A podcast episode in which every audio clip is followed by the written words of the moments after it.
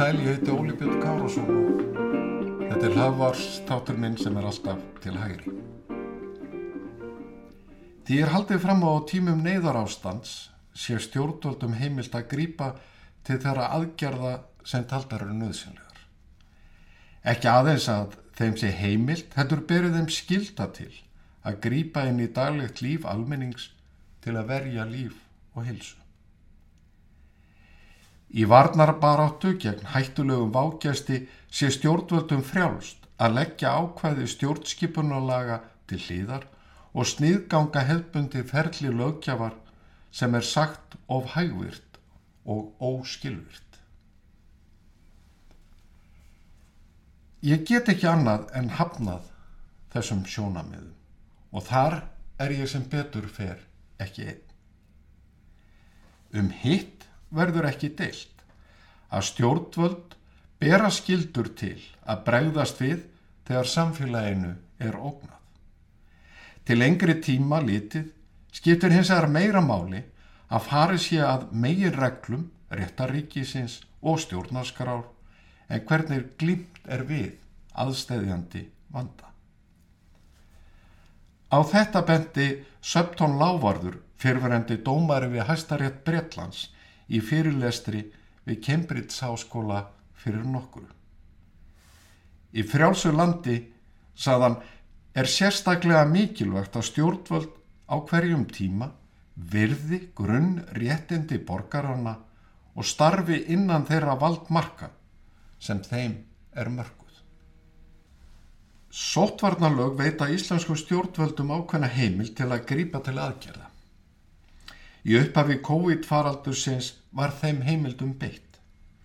Almennur og viðtakur stuðningur var við sóttvarnar aðgerðir í upphafi en það stóðu vonir til að þær væru tímabundnar.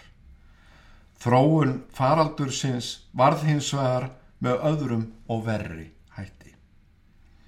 Vonir sem vögnuði í sumar rættust ekki.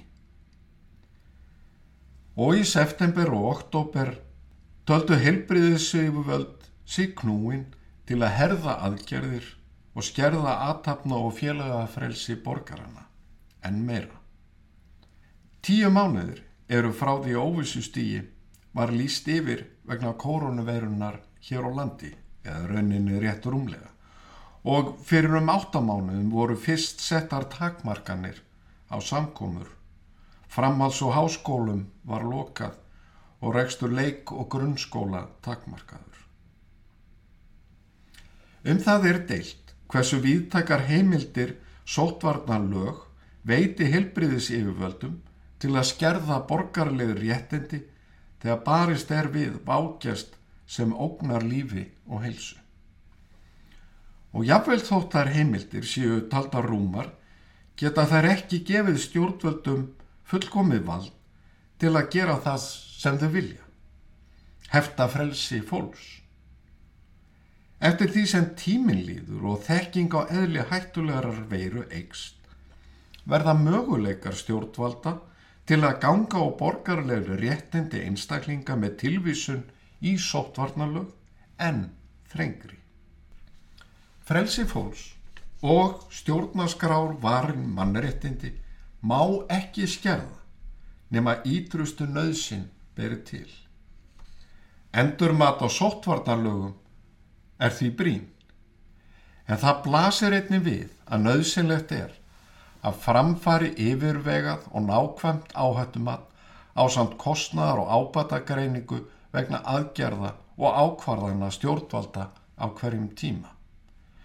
Upplýsingar um áhrif sóttvarnaraðgerða á aðra starfsemi helbriðiskerfisins og þar með á líf og heilsu landsmanna verða að liggja fyrir.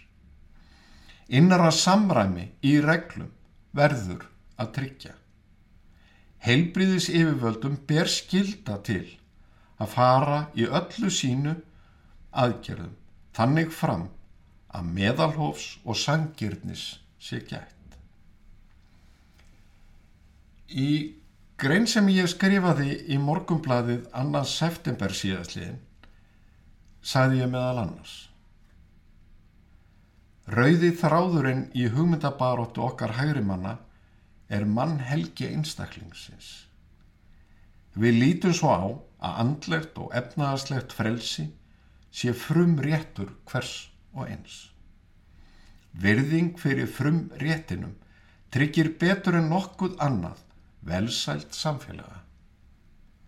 Þegar stjórnvöld telja nöðsilegt að ganga á þennan frumrið, þó ekki sé nema í takmarkaðan tíma í nafni almanahilla, er nöðsilegt að byggt sé á skýrum lagarlegum grunni. Almenningur verður að skilja rökin sem liggja þar að baki og fá skýrar upplýsingar um hvenar og undir hvaða skilirðum hömlum verður aflétt. Annars missa stjórnvöld trúarðuleika, samstaða samfélagsins brestur og aðgerðir til varnar almenningi snúast upp í andkverfu sína. Öll þráum við öryggi og flest setjum við traust okkar á stjórnvöld. Við lítum svo á að grunnskilda ríkisvaldsins sé að venda borgarana gegn utanakomandi ógnunum jæmt og ópnunum innanlands, tryggja eignaréttin og frelsið til orðs og æðis.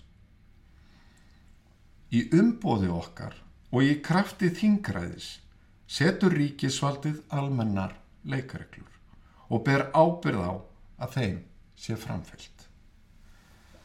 Hættan er hins vegar svo að óttin gera okkur sljó í varðstöðunni fyrir borgaralegum réttendum, að við afhendum frelsið af fúsum og frjálsum vilja. Sætum okkur við að mikilvæg borgarleg réttindi séu lögð til hliðar. Í fyrrnemdum fyrirlestri bendi Söptón Lávarður á að óttin sé og hafi verið öflugasta verkveri þeirra sem virða frelsi borgarna lítils forræðishyggjan nærist á óta. Í skugga óttans sé þess krafist að stjórnvöld grípi til aðgerða sem sumar geta verið gaglegar en aðra skadlegar í viðleitni allara að verja líf og heilsu. Í þessum efnum sé ekki aðeins við stjórnvöld að sakast, heldur ekki síður okkur sjálf. Frelsið verður fórnarlamp óttans og umburðalindið gagvart ólíkum skoðunum hverfur. Ég hef haft evasemtur um að helbriðis yfirvöld geti sótt raukstuðning í sóttvarnarlög fyrir öllum sínum aðgerðum, óháð því hversu skinsanlegar þær kunna vera. Í bestafalli eru yfirvöld komin á bjargbrún hins lögmæta. Borgarlegu réttindi sem eru varin í stjórnaskrá verð ekki afnuminn tímabundið og engi meit hvað sátími er langur með reglugjörðum og á nokkus atbeina lögjafans eða undir ströngu eftirliti hans. En jafnvel alþingi hefur verið lamað með sótvarnar aðgerðum sem dregur úr möguleikum þess að veita stjórnvöldum aðhald, spurja spurninga og ef þörf er á, setja heilbriðis yfirvöldum stólinn fyrir dyrnar og þannig molnar undan þingræðinu og ríkistjóta reglugerða og tilskipana verður til. Slíkt getur aldrei og má aldrei verða með samþyggi okkar hægri manna. Ég þakka þeim sem lítu eigi góða stundur.